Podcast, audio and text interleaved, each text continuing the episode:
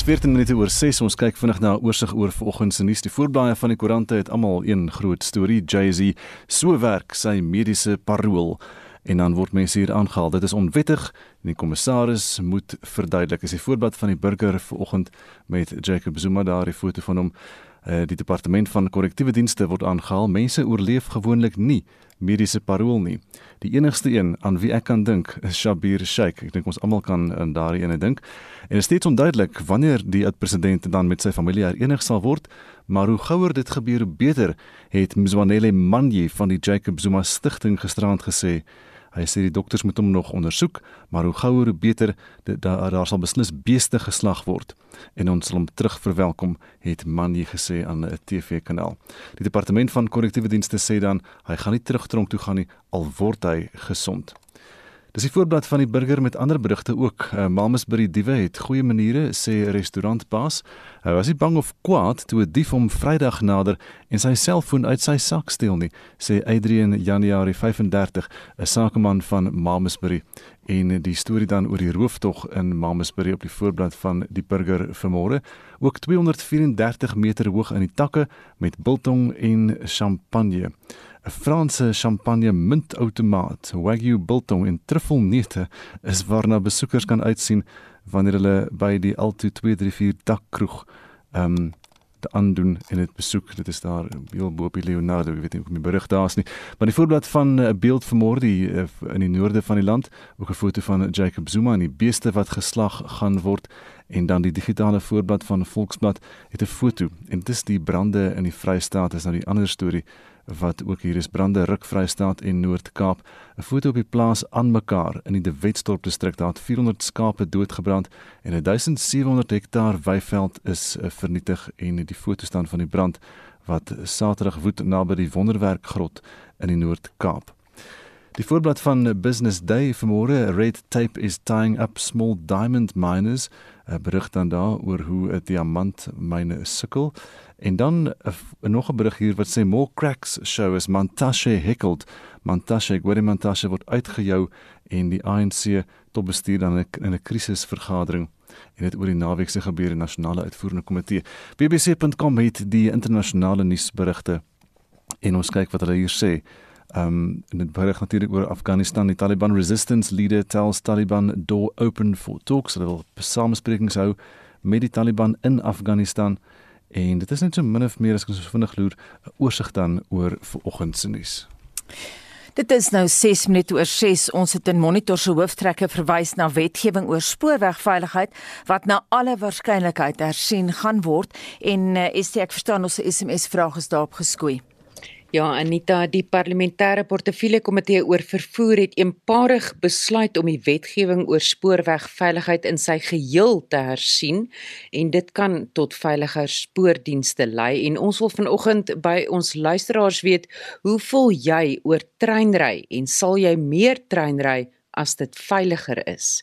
Stuur vir ons 'n SMS na 45889 teen R1.50 per SMS.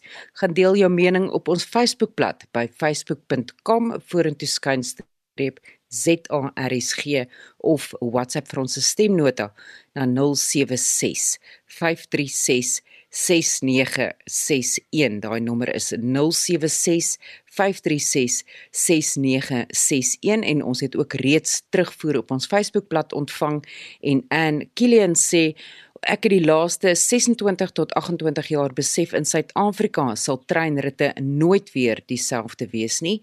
Wat altyd 'n groot plesier was sal nooit weer wees nie. Nee wat? Die regering kan nie eens hulself regryk nie wat nog te sê van treindienste. Ek is net so na 07:30 terug met nog van jou terugvoer. Dis nou 18 minute oor 6 en die veldbrande soos ons nou gesê het in die Vrystaat by Ventersburg, Virginia en uh, sommige dele van Winburg en Bloemfontein het sowat 40 plase vernietig. Hoewel die brande onder beheer is nou, is meer as 30000 hektaar veld vernietig.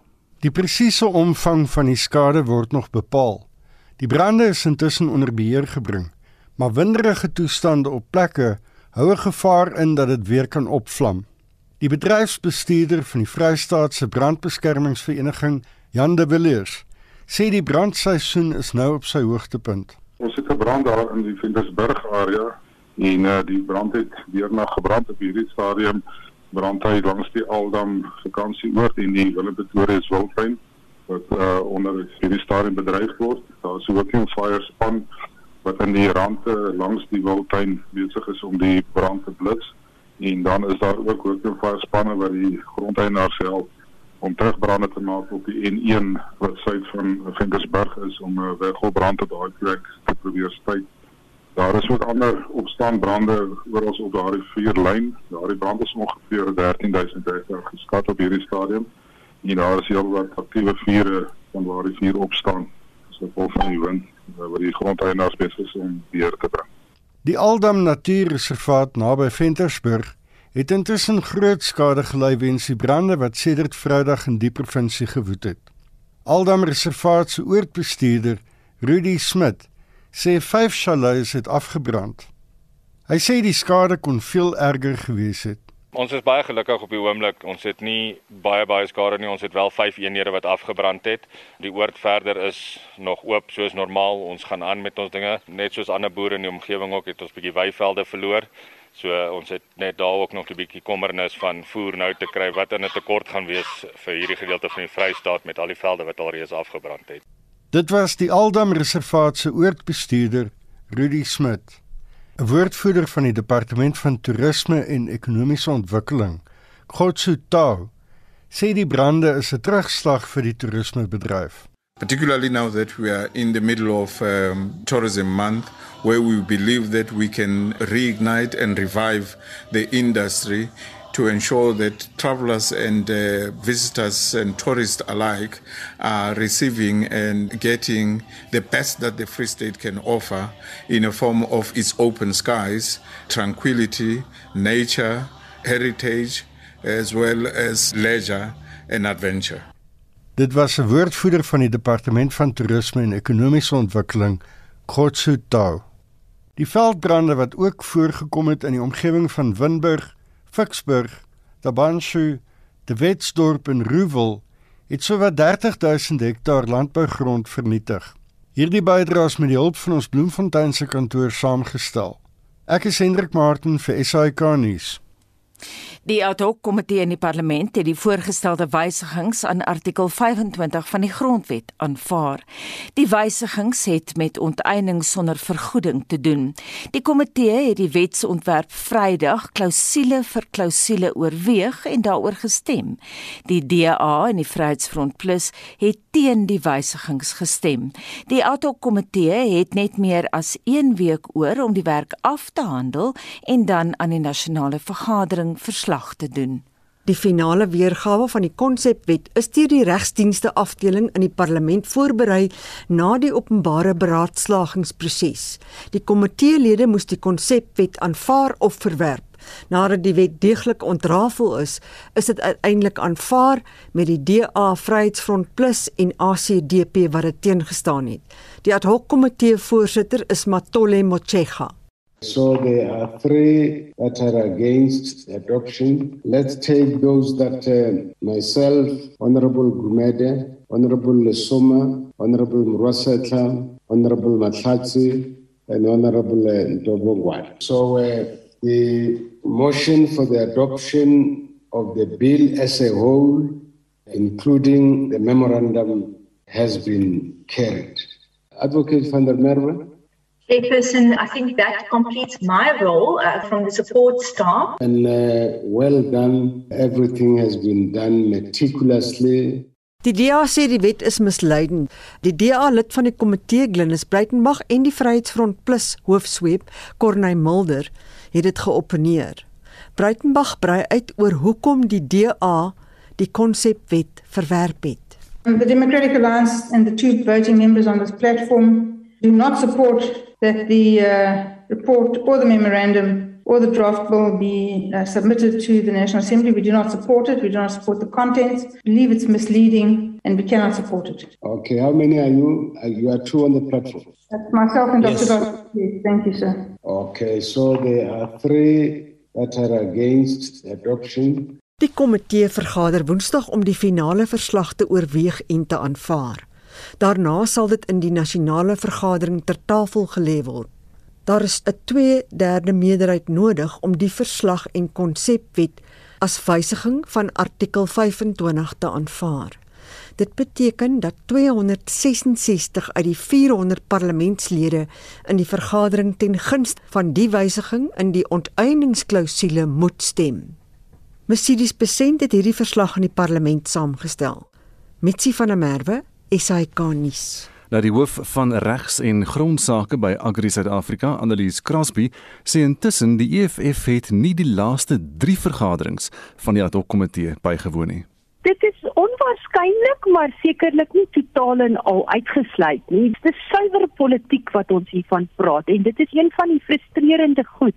Dit, dit is so 'n belangrike ding artikel 25 van die grondwet en dit het nou uit en uit 'n politieke speelbal geword. Maar die EFF het nie heeltemal hulle sin gekry met die bewoording wat nou op die tafel is nie. Die huidige voorstel is 'n ANC voorstel. Hulle het nou wel gepoog om die staatsvoogdyskap ding in te bring, maar hulle praat van moet van sekere grond en die EFF soek basies uit en uit nasionalisasie van alle grond en dan wil hulle ook gehad het daardie 1913 datum moet heeltemal uit die wet uitgeskryf word en hulle wil nie hê dat daar sprake van enige vergoeding moet wees nie selfs nie nul vergoeding nie want dit impliseer nog steeds dat daar 'n berekening gedoen moet word en geregverdig kan word hoe daarby nul uitgekom word. So hierdie ding is nie wat die EFF wil hê nie. Die bilaterale samesprekings tussen hulle en die ANC het op 'n dooie punt uitgeloop en uh, ons is nou baie na daaraan dat dit moet dien voor die nasionale vergadering en dat daaroor gestem moet word aanduidings is dat die ANC nie die vereiste meerderheid sal kry nie, maar soos ek sê, mens weet nie politiek is so onvoorspelbaar. Die uiteindelike weergawe wat gebruik is, soos wat ek dit verstaan, is die tweede een, is dit korrek? Dit is korrek, ja. Hoekom is die derde een uitgelaat? Watse wysigings was daar? So in die derde een het hulle die 1913 datum verander na 1800 en hulle het ook 'n voorstel ingebring dat die nulvergoeding nie van toepassing sal wees op kommunale grond. Maar ek dink nommer 1 eh, het die feit dat hulle besef het dat hulle weer 'n openbare raadplegingsproses sou moet volg en dat hulle nou heeltemal uit tyd uit gehardloop het waarskynlik 'n rol gespeel. En nommer 2 dink ek het hulle ook besef die ANC dat die meeste kommunale grond is in elk geval staatsgrond, so die staat gaan nie sy eie grond onteien nie of daar nou vergoeding betaal word of nie is is eintlik totaal en al irrelevant en ek weet nie of hulle dalk ook die implikasies van die uitskyf van die datum besef het nie maar ek dink die groot ding is daar sou weer 'n openbare raadplegingsproses moes plaasgevind het en dit sou nog 'n klomp tyd opgeneem het.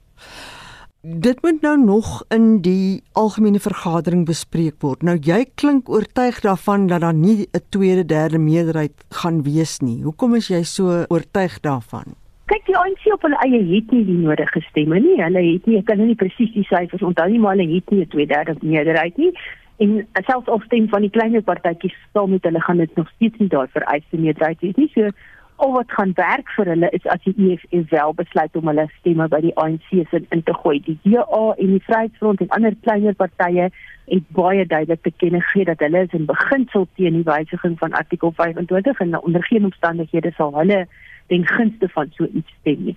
So die minimum vereiste is in terme van artikel 74 van die, die grondwet is 2/3 meerderheid. Ek dink dit is artikel 74.2, maar daar is heelwat regskenners wat 'n argument uitmaak dat dit eintlik 'n 75% meerderheid moet wees want as jy goed soos voogdyskap inbring wat die wese van eiendomsreg en die regstaat, die sogenaamde rule of law beginsel begin aantas, dan word daar 'n 75 meerderheid vereis. So dit glad nog nie 'n uitgemaakte saak dat hierdie ding deurgestem sal kan word nie en selfs al gebeur dit vermoed ek sal daar baie hofsaake wees daarna. Wat sou die uiteinde wees as dit sou deurgevoer word vir eiendomsreg? Dis nog nie die einde van die pad nie. Na die nasionale vergadering se stemming sou dit deurgestem word wat net onwaarskynlik is dan is daar nog 'n nasionale raad van provinsies proses en daar moet ses van die nege provinsies ten gunste daarvan wees. Maar en dan moet staatspresident dit onderteken en ek voorsien definitief litigasie, maar kom ons veronderstel ten spyte van dit alles kry hulle dit weer gevoer, dan is daar baie baie ernstige implikasies. Ek meen die nul vergoeding gaan doeteenvoudig maak dat mense nie gaan belê in ons ekonomie en in ons landbousektor nie. Dit gaan implikasies hê vir die staat se vermoë om belasting in te vorder uiteindelik en later aan om sosiale toelaae en goederes te betaal. Daar gaan definitief die banke se aptyd vir risiko ten opsigte van verbande oor eiendom waar hulle nie weet of hulle daai verband sal kan verhaal as die eiendom onteien word nie. Jy weet gaan ook 'n rol speel daarin dat banke waarskynlik minder geld gaan leen en minder bereid gaan wees om geld uit te leen ook aan boere wat daai krediet nodig het om voedsel te produseer. So dit kan ook 'n impak hê op ons voedselbeskikbaarheid en ons voedselpryse uiteindelik. So die implikasies is baie baie negatief en potensieel absolute ramp vir hierdie land sou dit wel deurgestem word. Die stem van Annelies Krasby, die hoof van regs en grondsake by Agri Suid-Afrika en sy het met Mitsi van der Merwe gepraat.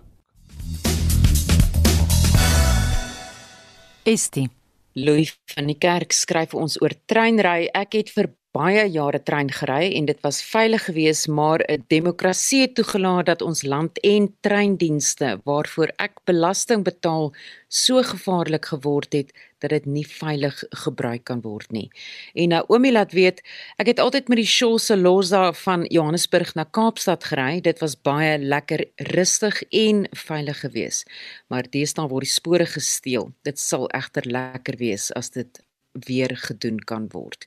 Jonathan April van Gouda skryf: Ek onthou nog as kind hoe ons ouers ons destyds by die Transkaroo geneem het om by my ouma op Beaufort Wes te gaan kuier. Was lekker tye met mooi herinneringe maar vir ons kinders sal dit nooit beskore wees nie. En Alta van der Merwe sê nee wat, treinritte sal nooit weer wees wat dit was nie. Hoekom is daar in die eerste plek ontslaag geraak van die spoorwegpolisie? Ons land het die beste wette, maar niks word reg toegepas nie. Hoekom gaan hierdie skielik werk? Nee wat, treinry het ook net 'n goeie herinnering geword. En Alta skryf aan die Wesrand is daar geen treindienste meer nie. Stasies is geplunder, kabels is gesteel, so treinry is taboe aan die Wesrand. Die parlementêre portefeulje komitee oor vervoer het eenparig besluit om die wetgewing oor spoorwegveiligheid in sy geheel te hersien en dit kan tot veiliger spoorwegdienste lei. En ons wil vanoggend by jou weet, hoe voel jy oor treinry en sal jy meer treinry as dit veiliger is. Stuur vir ons 'n SMS na 45889. Onthou dit kos R1.50 per SMS. Gaan na ons Monitor en Spectrum Facebookblad en gaan deel jou mening daar of WhatsApp vir ons stemnota na 076 536 6961. Dis nou 26 minute voor 7 by Monitor op RSG. Nou daar was uiteenlopende reaksie op die vrylating van oud-president Jacob Zuma op mediese parol weens siekte. En ons praat nou daaroor met 'n strafregkenner aan die Universiteit van Pretoria, Llewellyn Kloos. Goeiemôre Llewellyn. Goeiemôre Monitor span. Llewellyn, eh, wat gaan nou met Zuma gebeur? Wel, hy gaan nou huis toe. uh hy gaan doeteenvoudig uh waarskynlik teruggeplaas word in Kandla want die die wet op korrektiewe dienste sê baie duidelik dat jy geplaas word in die gemeenskap waar jy tuis hoort om daar gemoniteer te word vir die oorblywende gedeelte van jou um, gevangenisstraf. Uh en ons weet hy het 15 maande gevangenisstraf gekry waarvan hy 2 min of meer gesit het. Derhalwe sal hy gemoniteer word waarskynlik uh by sy plek van herkoms en dit sal in Kandla wees. So hy gaan vrygelaat word. En en hoe moniteer hulle hom? Gaan hy een van daardie enkelbande moet dra of iets soos dit? Ja, eh uh, Gustav, dit is natuurlik een van die moontlikhede. Uh, artikel 52 van uh, wet 111 van 98 wat die toepaslike wetgewing is wat hierdie aangeleentheid reguleer. Stel dit baie duidelik dat jou kommissaris uh in hierdie geval uh Arthur Fraser, die nasionale kommissaris, uh geweldige wye bevoegdhede het om te bepaal wat se voorwaardes gekoppel moet word aan hierdie uh parol in hierdie geval. Nou daar die wet onderskei baie duidelik uh tussen gevalle van dagparol korrektiewe toesig, uh, mediese parol en parol. Maar in al die omstandighede, al vier van die bogenoemde omstandighede wat ek genoem het, ehm um, het hy die bevoegdheid om dan te bepaal watter addisionele voorwaardes wat gestel kan word. En slegs wanneer jy moetswilliglik een van hierdie voorwaardes dan verbreek, dan kan jy streng gesproke dan weer uh, gearresteer word in om die oorblywende tydperk weer terug in, in in die gevangenis uit te oefen. Uh iets wat nie natuurlik voorsien word nie en iets wat waarskynlik nie sal gebeur nie. So hy sal die die oorblywende tydperk uh vry vry man wees. Um, ek moet miskien net bysê Ehm um, hierdie voorwaardes, korrektiewe toesig is 'n stelsel. Dis 'n soort van 'n sambreel tipe vonnis. Met ander woorde, dit sluit 'n geweldige klomp kleiner tipe sanksies in. Byvoorbeeld huisarrest, ehm um, die die die die die kommissaris se se se se amptes kan enige tyd dag of nag by opdag om te kyk of jy by die huis is weliswaar en nie besig is om vakansie te hou byvoorbeeld of golf te speel saam met jou vriende sien maar uh, in Durban op die op die uh, ja. die golfbaan nie uh, die tipe van goeders. Is nou snaaks dat jy spesifiek golf noem Llewellyn. As mense nou so terugdink aan Shabir Sheikh, uh, dan koppel mense dit aan Zuma. Ons weet nie regtig wat sy gesondheidstoestand is nie. Ja. Uh, ek het ja, ek het dit tog in die kies gedoen uh die aard van die saak uh, in 2005 sal jy onthou het uh, Shabir Sheikh uh, wat 15 jaar gevangenisstraf uh, opgelê is uh mediese parol gekry. Uh maar uh, sy sy gronde was definitief uh omdat hy terminaal siek was. Nou dit is die grootste wonderwerk van menslike jeugnis want hy lewe nog steeds ten spyte van daai bevinding destyds. Uh en hy het uh hy so 2 jaar nadat 'n voormalige president Zuma natuurlik staatspresident geword het, is hy toe vrygelaat. So daai is 'n ander uh, gesprek vir 'n ander dag miskien. Uh, maar dit gesê, ja, ons weet nie definitief wat sy siekte toestand is nie. Ehm um, uh, baie mense uh, lewer die kommentaar het ek so het ek vanoggend vinnig gesien op van die radiostasies en koerante uh, wat wat meen uh, dat die paroolraad uh, uh nie goedkeuring hier verleen het nie en hulle vra dit baie vraagtekens hier oor en so voort. En dit is natuurlik waar. Die algemene reël is dat 'n aanbeveling moet plaasvind van die paroolraad wat beteken daar is 'n komitee wat hieroor moet sit en dit moet nagaan, die mediese verslag moet nagaan en so voort. Maar artikel 75 en dit is baie duidelik wat die kommissaris ehm um, se uh se uitlatings was in uh, aan die in die media. Spraak baie spesifiek van artikel 75 uh 7A van die uh van die wet op korrektiewe dienste en daarso word daar nie sprake is daar nie sprake van 'n mediese paroolraad nie. Dit is uitsuiwer uitsluitlik op die aanbeveling en die bevoegdheid en diskresie van die nasionale kommissaris. So dis 'n is 'n eie 'n soortige arbitreëre besluit as jy byvra. Mag ons weet wat is die siekte toestand of is dit absoluut privaat? Ja, uh enige persoon kan vra. Ek vermoed hulle gaan nie vir ons sê nie uh en die wet maak nie spesifiek voorsiening daarvoor dat dit uh, openbare inligting is nie. Anders as byvoorbeeld in die geval van regter Pieter Koen uh se aangeleentheid in in in KwaZulu-Natal waar hy die diskresie het om dit natuurlik uh, in die belang van regspleging te openbaar. Uh sê die wet op korrektiewe toesig ongelukkig dat uh dat ook uh, uh gevangenes met ander woorde in Engels praat van inmates hmm. uh gevorderde prisionere natuurlik sekere regte het wat uh eerbiedig moet word en een van daardie regte is natuurlik die reg op privaatheid en ek vermoed die reg op inligting tot mediese uh uh privaatheid is een van daardie waar gedink is toe gesê is jy gaan nie net maklik toegang tot dit kry nie. Mhm. Mm Lewel en wat is die uh, implikasies vir sy komende korrupsie saak? Ja, absoluut niks. Uh ek ek kan nie sien dat dit 'n implikasie gaan hê nie. Uh natuurlik is dit twee verskillende aangeleenthede. Onthou, die, die ene wat hy nou vrygelaat is op parol het, het te doen met sy 15 maande gevangenisstraf waarvoor hy gefonnis is en 'n gefonniste prisioenier is vir minagting van die hof in terme van die grondwetlike hof se uitspraak in die uh, aangeleentheid van die sondekommissie.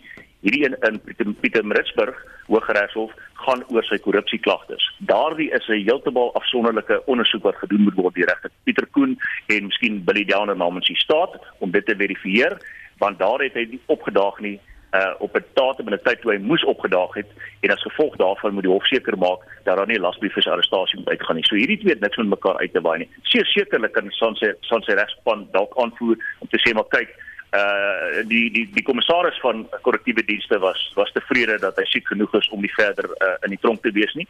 Uh regter Pieter Koen, hoekom is jy dan nou so skielik uh bevraagteken jy sy sieke toestand en soveel meer die staat? Uh, maar dit is 'n argument wat nie eintlik toegelaat moet word nie omdat dit twee totaal afsonderlike ondersoeke is. Baie dankie dit aan die mening van 'n strafregkenner aan die Universiteit van Pretoria Llewellyn Koloos. Ons bly by die storie Miles Boodoo van die menseregteorganisasie vir gevangenes SAPOR het intussen in 'n verklaring laat weet dat hulle Zuma se vrylating op mediese parol verwelkom. Medical parole is an option available to all sentenced prisoners provided they meet all the stringent requirements Needless to say, SAPA hoped that this particular incident would afford other less fortunate prisoners who are in similar or even worse medical circumstances the same treatment, though. Our experience over many, many years post 1994 was and remain the negligence the arrogance, and the abuse of power and office within the Department of Correctional Services authorities, those are the warm bodies and the human factors to implement Section 75, subsection 7, paragraph A of the Correctional Services Act of 1998. SAPO over many years has lost count of incarcerated prisoners left to die alone and die a cold death behind the high walls, being neglected, ignored, and mistreated. SAPO is enthusiastic that the Department of Correctional Services will learn and use this golden opportunity to ignite the relevant act, the relevant section to do the right thing and make the rules and regulations that govern medical parole in our prisons with the paper it is written on. Miles Boodoo van die Menseregteorganisasie vir Gevangenes SAPOR. Die parlementêre portefeulje komitee oor vervoer het eenparig besluit om die wetgewing oor spoorwegveiligheid in sy geheel te hersien. Die bestaande wetgewing is 20 jaar gelede gepromulgeer. Die DA het die mosie ter tafel gelê en ons praat nou met die party se skademinister van eh, vervoer, Chris Hunsinger. Goeiemôre Chris. Goeiemôre Anita, dankie vir die geleentheid en goeiemôre luisteraars. Wat is die leemtes in die bestaande spoorwegveiligheidsreguleringswet? Die leemtes in die bestaande wetgewing het opgebou oor jare en wat ons oor die afgelope 10 jaar ervaar het is dat spesifieke woordwisseling plaasgevind het wat die wet verswak het. Uh woordwisseling soos byvoorbeeld uh die variasies tussen mag doen kan doen en moet doen. En dit het die verantwoordelikheid geskuif ehm um, sodat daar 'n laksheid ontstaan het om op te tree en om doeltreffende maatreëls in te stel wat dan die situasie tot gevolg gehad het dat ons in die onlangse verslag van die spoorwegveiligheidsreguleerder waargeneem het dat daar soveel soos 3392 operasionele voorvalle was wat nou insluit ontsporings, botsings, spooroorskridings, ongelukke en voorvalle waar mense vasgekeer was.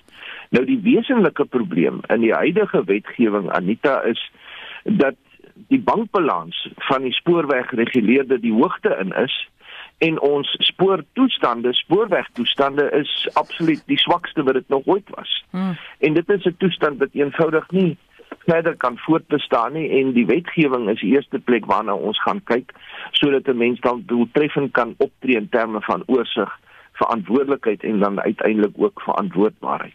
Chris, wat sou jy en jou kollegas in die nuwe wet wou sien? Ons sou graag wou sien eh, dat daar langer tande is en dat die boetestelsel verdwyn. Dit is wat my betref die groot probleem op hierdie stadium. Die spoorwegreguleerder reguleer dan veiligheid by uh, wyse van die uh, toeken van boetes. Ehm um, en uh, dit beteken dat jy eenvoudig die boete kan betaal as 'n oortreder van spoorvervoer. Kom ons sê daar is 'n veiligheidssituasie uh, met diere van treine wat nie toegaan nie terwyl dit in beweging is. Jy kan eenvoudige boete daarvoor betaal terwyl jy dan die passasiers en pendelaars steeds blootstel aan die gevaar maar die boete is betaal en daarmee het die spoorwegreguleerder eenvoudig uh sy bankbalans nog meer gestyger. En die bankbalans van die spoorwegreguleerder is nie iets wat 'n mens moet miskyk nie. In so min soos 3 jaar uh het die netto kontantvloei uit bedryfsaktiwiteite van die spoorwegreguleerder toegeneem van 17 miljard tot meer as 44 miljard. En ons ken almal ons huidige ekonomiese situasie. Chris, ek weet nou die DA spesifiek het die mosie ter tafel gelê, maar is daar eensgesindheid uh tussen politieke partye, ek praat van die politieke oppositie veral oor hoe die wet verander moet word. Stem julle saam? Anita politiekery is mos maar 'n uh, dinamiese ding wat op die geleentheid gefokus is, maar ek wil vir jou absoluut verseker dat in hierdie geval daar eensstemmigheid is. Ons het op die portefeulje komitee van vervoer uh, vyf verskillende uh, uh, politieke partye en daar's absoluut eengesindheid daaroor dat hierdie uh, wetgewing hersien moet word. Ehm um, dis 'n ou wetgewing wat reeds vir 20 jaar aankom uh, en daar was wysigings gewees op die wetgewing, maar dit is aansienlik verswak en my voorstel van die DEA se kant af dat was dat dit totaal hersien word. En hierdie hersiening beteken dat daar ook geleentheid is vir belanghebbendes en publiek om kommentaar te lewer. Iets wat ons geweldig verwelkom en dit is die geleentheid waar ons het om idees te kan mobiliseer en die ontwerp van hierdie toekomstige wetgewing so te maak dat dit werklik ons gebruikers beveilig, ons bates beveilig en ook die belastinggeld wat al hierdie goed moet koop en in stand hou, veral die funksies van die veiligheidsreguleerder. Hoe lank gaan dit vat voordat ons 'n nuwe wet sien, Chris? Anita, die veilig die vinnigste eh, is so binne ehm um, 8 maande na 'n jaar. Ehm um, en natuurlik kan dit dan sloer vir enige tydperk langer as dit ons het wetgewing wat nie pipeline lê net glad nie vorder nie en dit is al vir jare daar. Ehm um, maar op die vinnigste sou ek sê binne 'n jaar hierdie wetgewing is dan ook uh aanbeveel deur ons as 'n uh, artikel 76 wetgewing wat beteken dat dit dan ook deur al nege provinsies moet sekuleer. Uh, uh en en insette kry van ons provinsies wat ek dink juist die platform van insette gaan vergroot uh sodat dit nie net 'n gesentraliseerde uh, ontwerp en 'n idee is nie maar dat al die provinsies met soveel as moontlik uh belanghebbendes en publiek dan nou ook insette kan lewer. Laasens wat van die goudterrein?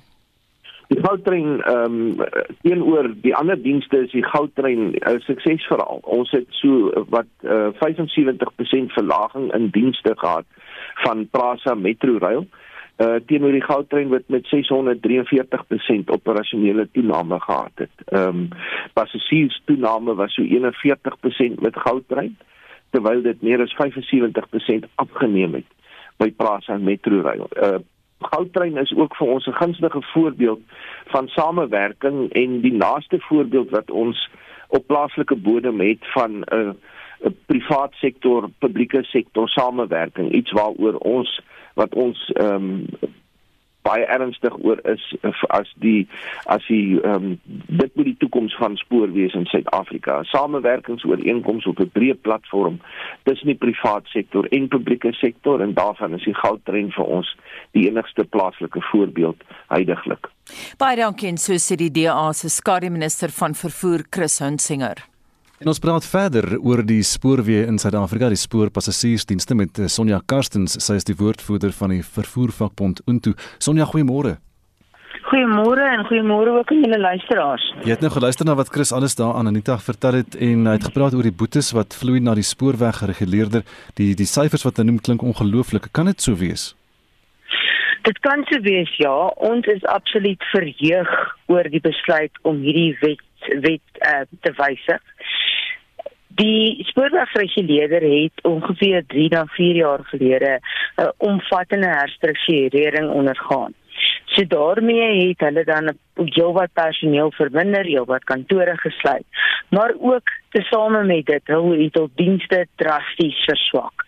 Wat ons gesien het nou baie onlangs uh, is dat waar daar nie gehoor gegee word aan hulle bevele wat hulle gee nie. Met ander woorde hulle sê byvoorbeeld vir Praza julle moet aan die volgende veiligheidsmaatreëls voldoen. Praza ignoreer dit. Is hulle so tandeloos dat selfs wanneer hulle hof toe gaan kan hulle nie al hofbevel kry as Praza selfs die hofbevel minag nie.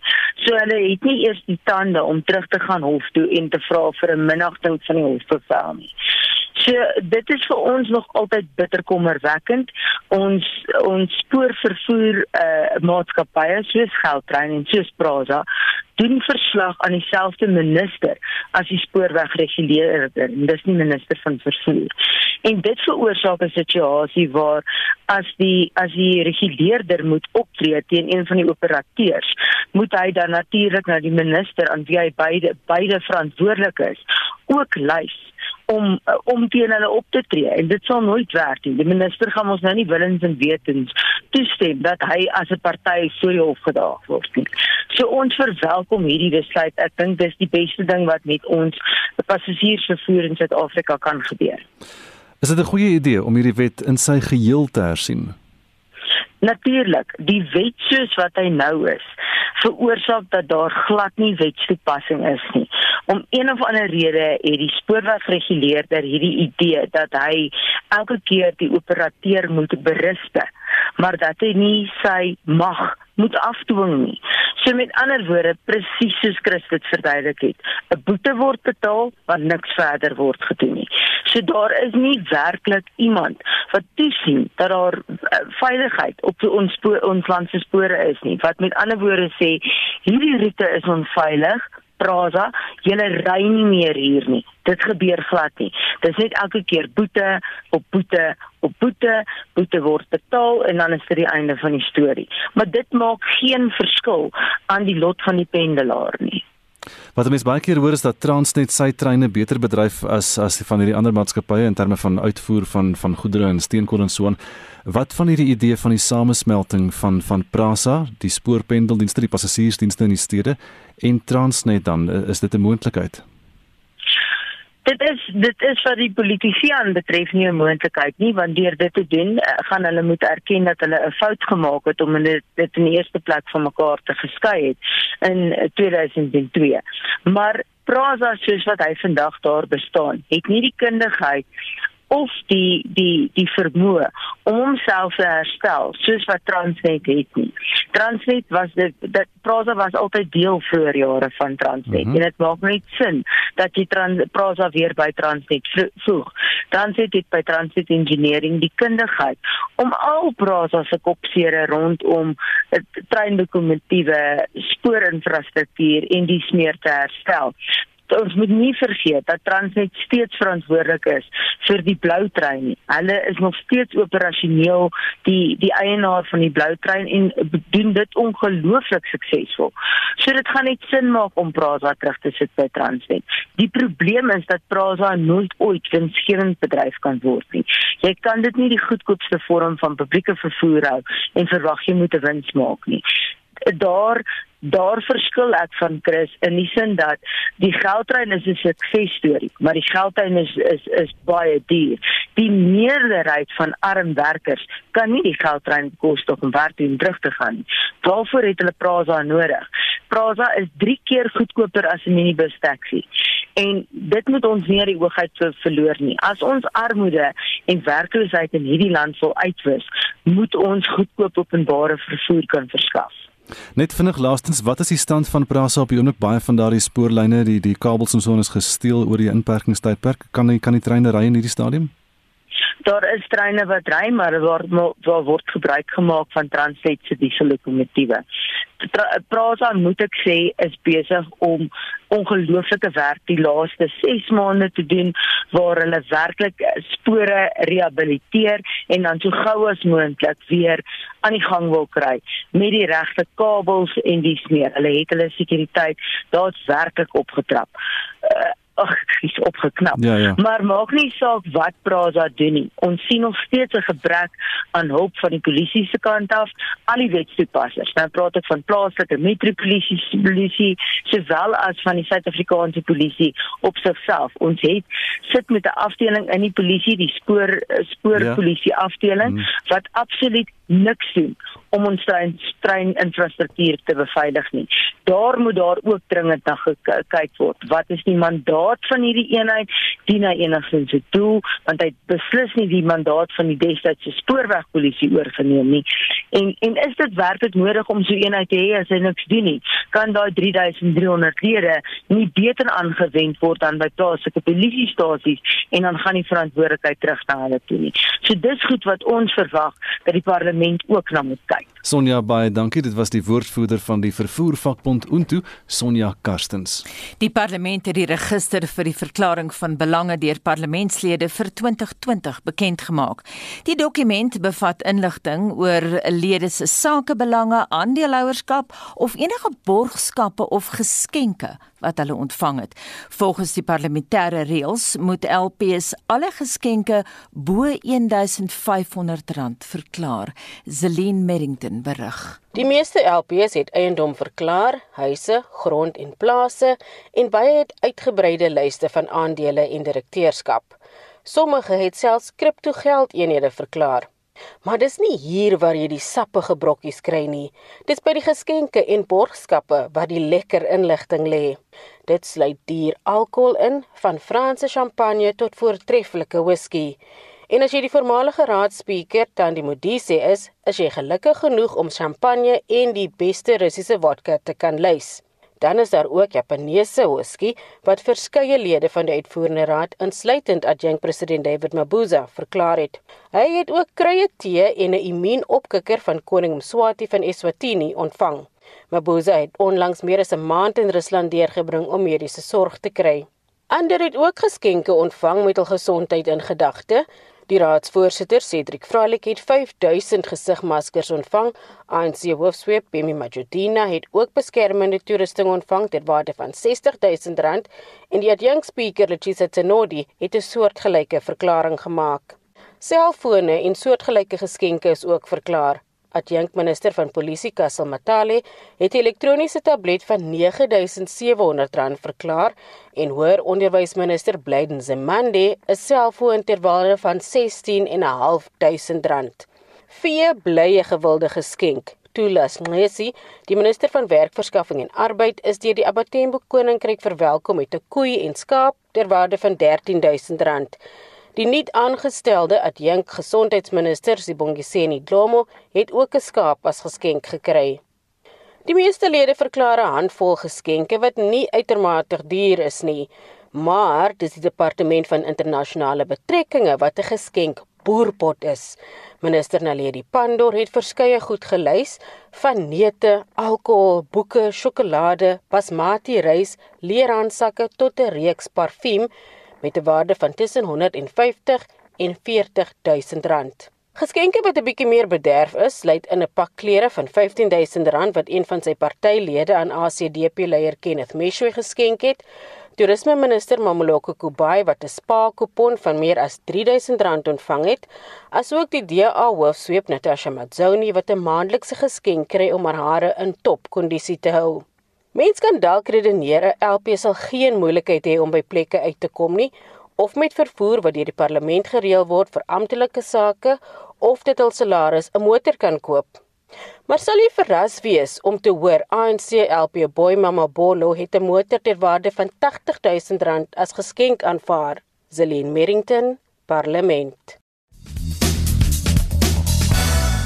Is jy die vloer? Johnny Ul laat weet ek sal beslis treinry as dit veilig is. Dit was altyd so lekker geen bekommernis oor al die verkeer op die pad nie. En Edward Stika Mentjie sê gooi asseblief maar die treine uit. Dit kos elke keer net die belastingbetaler 'n klomp geld. En Rudy de Tooi vra watter treine op watter spore wanneer laas het jy gaan kyk hoe dit lyk. Dit bestaan nie meer nie. Ek is net so na half 8 terug met nog van jou terugvoer. Ja, bly ingeskakel hier op Monitor want verskeie stories waarna ons kyk later in die program. Die Wes-Kaapse regering het die uitspraak van die konstitusionele hof verwelkom dat die plaaslike verkiesings nou tussen 7 en 20 Oktober en 1 November moet plaasvind. Meer daaroor, ons het ook meer oor die ACDP en dan het ons inligting van die navorsingsmaatskappy Ipsos oor 'n telefoniese studie oor wat Suid-Afrikaners van verkiesings dink. Al daardie nuus na 7 en dit bring ons by die nuus.